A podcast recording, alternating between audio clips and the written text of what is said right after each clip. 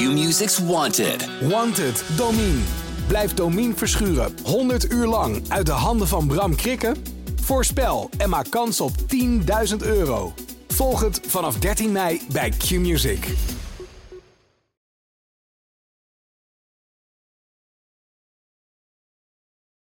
Hallo, ik ben John Schorrel en ik heb een verhaal gemaakt over een rondje zachtheid. Het was één dichtregel die mij inspireerde tot dit verhaal. Laten we zacht zijn voor elkander, kind. Die regel komt uit het gedicht Zwerversliefde van Adriaan Roland Holst en is zeker 100 jaar oud. Bij mij thuis aan de muur hangt een schilderij waarin deze dichtregel is verwerkt. Dus dat we zacht moeten zijn voor elkaar, dat wordt me elke dag bij het passeren van het schilderij aangeraden. Het lijkt zo simpel, zacht zijn voor elkaar, maar het valt niet mee. In tijden van hardheid kun je zachtheid wensen. Je hoopt op de kracht van zachtheid. En toen las ik over Boudewijn Betsema, een troostdichter die in een troosthuisje zijn medemens troost. En over zijn nieuwste initiatief, een rondje zachtheid. Iemand die dus die dichtregel tot leven werkt. Gewoon een ommetje maakt met mensen, in zijn geval in zijn stad Deventer. Naar elkaar luisteren, met elkaar praten, misschien samen zingen of opeens een gedicht voorlezen. Inmiddels hebben vele mensen op andere plekken in het land zijn initiatief overgenomen. Ik ging met Boudewijn Betsema een rondje zachtheid lopen voor een verhaal in het Volksstad Magazine. Uit dank droeg hij een gedicht voor. Een zachter bedankje kun je bijna niet wensen. Dit is mijn verhaal, voorgelezen door Oscar Siegelaar.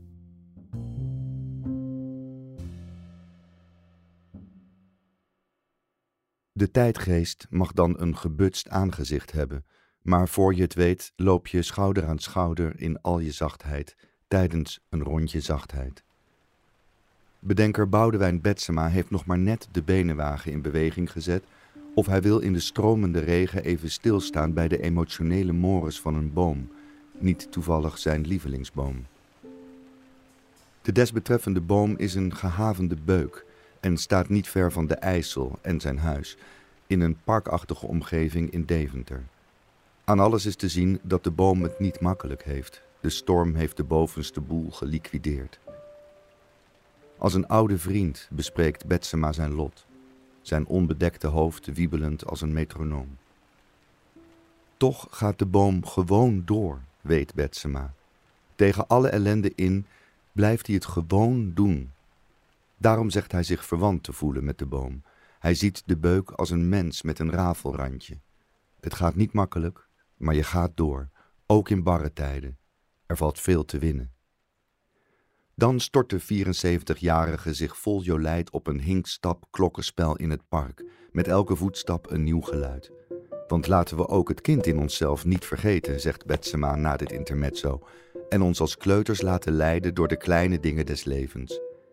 Denk niet dat je alles weet, want je weet niets. En dat is maar goed ook, want zo kun je elke dag leren, net als een kind. Kijk, daar is de IJssel al.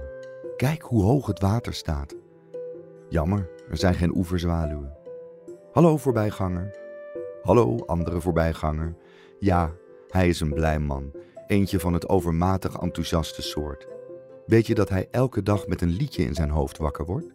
Hij denkt dat het komt omdat zijn moeder piano speelde toen hij nog in de baarmoeder dobberde. We zijn op weg, wandelschoenen aan, we zitten in onze zachtheid. Want we lopen een rondje zachtheid, kriskras door Deventer. En Betsema voert, geheel ongebruikelijk, het woord. Normaal is hij een luisterend oor en een warm hart. Maar hij moet nou eenmaal vertellen hoe het zo is gekomen dat er al op elf plaatsen in Nederland en één in België een rondje zachtheid op elke laatste vrijdag van de maand aftrapt. En dat is nog maar het begin van de zachte revolutie, wie weet. Een rondje zachtheid kwam voort uit een driftbui. Samen met zijn vrouw Geertje zat hij een half jaar geleden op de bank te kijken naar het televisieprogramma College Tour met hoofdgast Sigrid Kaag. Daarin verschenen Pardoes dochters van de D66-politica om te zeggen dat ze moest stoppen in Den Haag. Al die haat die ze allemaal voor haar kiezen had gekregen. Verdomme, zei Betsema, wat verschrikkelijk. Hij kon het niet aanzien, die meiden in tranen. We moeten iets doen, zei hij tegen een vriend in Apeldoorn. Die pleitte voor een mars tegen de hardheid, in alle steden van Nederland, van en voor alle mensen. Pff, maar zoiets is niks voor Betsema. Hij is een man van het kleine, hij vreest het massale. Nou ja, toen is hij dus een ommetje gaan maken met een andere vriend uit Deventer.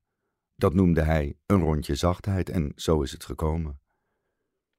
Doe het voor jezelf, in relatie met je medemens, zegt hij. Behoed jezelf voor bitterheid. Er is veel hardheid in de wereld, som de brandhaarden in de wereld maar op.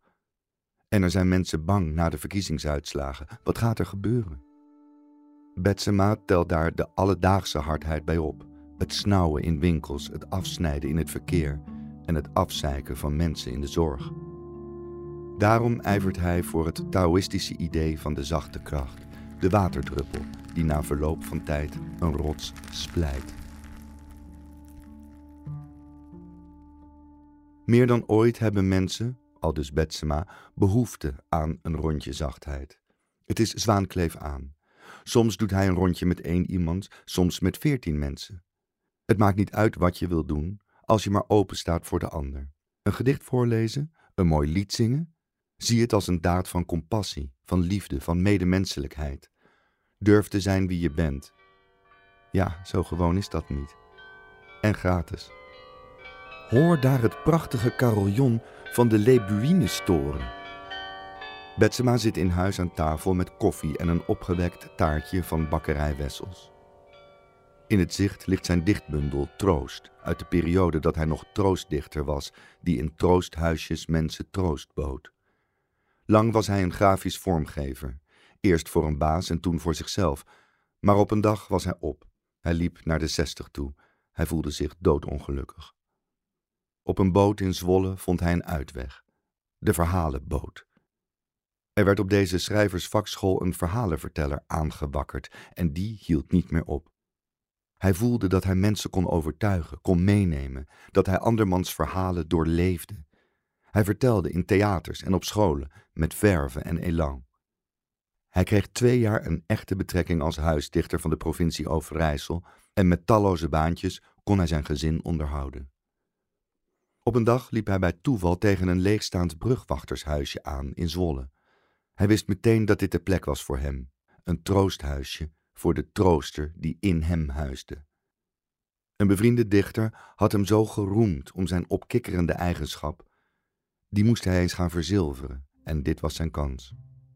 Met grote letters had hij het op de ramen geplakt. Troost. En nu moest het gebeuren. Hij zat klaar aan een tafel, drie dagen in de week, van tien tot vier. De mensen, veelal vrouwen, druppelden binnen en vertelden hun verhaal. Ja, die vriendin had gelijk. Dat luisteren en troosten, dat schudde hij zo uit zijn mouw. Tada! Daar tovert hij het brugwachtershuisje in Madurodam-formaat tevoorschijn, zelf geknutseld, van papier. Kijk toch eens hoe mooi. In dat huisje zat hij aan tafel, een pen bij de hand, er kon zomaar poëzie zijn. Zeven jaar lang was hij troostdichter, niet alleen in Zwolle, maar ook op plekken in Deventer, Zutphen en Nijmegen. In zijn eigen woorden, je ontdekt de schoonheid van het leven door het troosten. Hij gist dat hij honderden mensen heeft gezien. Mooie, lelijke, arme, rijke mensen, jong en oud, met klein, groot of onherstelbaar verdriet. En wanneer kon hij nou zeggen dat zijn opbeurend vermogen bullseye had getroffen? Soms duurde het lang, soms duurde het kort, maar er was altijd een kantelpunt. Het moment dat een gebogen iemand rechtop ging zitten, dat een in zichzelf gekeerd persoon een twinkeling in zijn ogen kreeg. Woeps! Zo, weg uit de tunnel, uit de cirkel van verdriet. Dan had hij getroost, had hij de muur geslecht, was er weer leven in de brouwerij. En desgevraagd maakte hij over de ontmoeting een gedicht, dat werd nagestuurd of kon worden opgehaald. In de bundel is het een komen van gaan, van weemoed en verlangen, zoekende zielen en lieve gebaren en al het andere dat zomaar op zijn pad kwam. Of zo ineens, die lieve lach, jou onderweg geschonken. Vanaf het wandelpad langs de IJssel meer de binnenstad van Deventer in, op naar de kloostertuinen. Hek zit dicht, verder maar weer. Hij botst bijna tegen een knorrige man aan. Ja, zegt hij, dat bedoel ik nou. Zomaar die hardheid, waar is dat toch voor nodig? Stel je open voor het goede. Mensen vragen hem wel eens: ben je er als supertrooster wel genoeg voor jezelf? In alle openheid, hij heeft lang last gehad van een minderwaardig gevoel.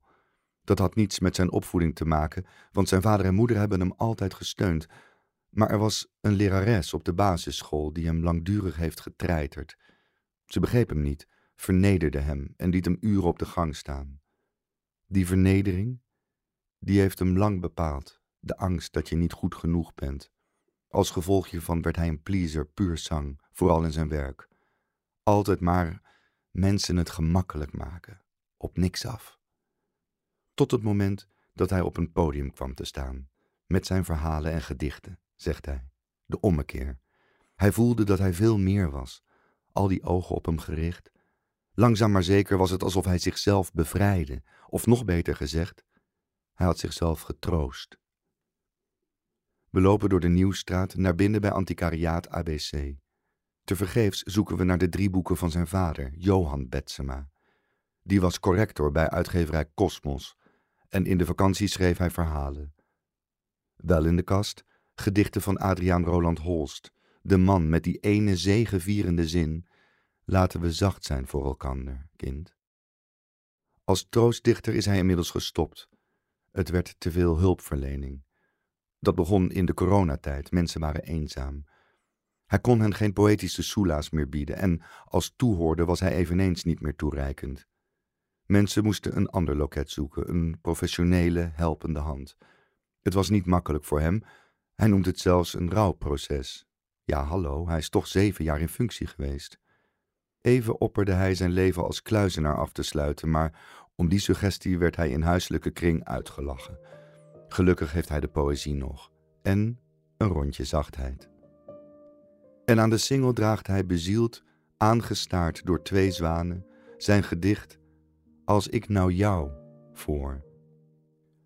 Als ik nou jou in deze barre wereldkou omarmen zou. En hij eindigt met En jij zou mij, wij allebei, elkaar verwarmen met onze armen.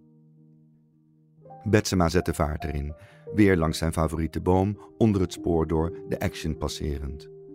Wat hij nog wel wil zeggen is dat hij zich als gezien beschouwt, als troostdichter, en met bijna een landelijke beloning. Hij was namelijk in de race geweest om de Compassieprijs 2018 naar Deventer te brengen, een award in het leven geroepen door de Engelse publiciste Karen Armstrong. Uiteindelijk kreeg hij in Amsterdam uit haar handen de derde prijs uitgereikt. Je zou kunnen zeggen, een troostprijs. Zo, dit is het einde van een rondje zachtheid, stelt hij vast als we weer voor de deur staan van zijn huis. Hij laat weten zich heel veilig te hebben gevoeld tijdens de wandeling. En hij was al zo zacht. Als dank wil hij nog zijn poëtisch motto meegeven, uit een gedicht van Guido Gezelle. We gaan even naar binnen. Hij moet even de bundel pakken. Staand voor zijn boekenkast en voor het oog van zijn vrouw Geertje klinken daar de eerste zinnen, als gebeiteld in marmer. Als de ziele luistert, spreekt het al een taal dat leeft.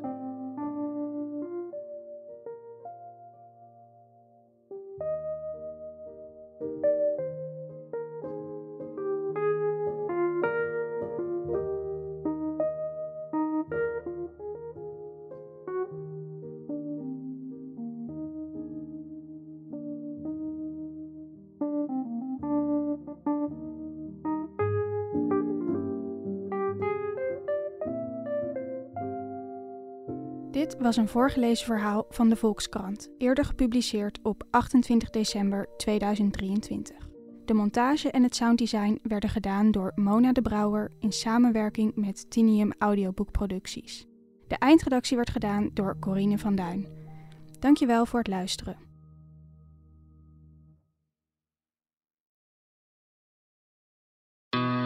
Q-Music's Wanted. Wanted, Domine. Blijf Domine verschuren 100 uur lang uit de handen van Bram Krikken? Voorspel en maak kans op 10.000 euro. Volg het vanaf 13 mei bij Q-Music.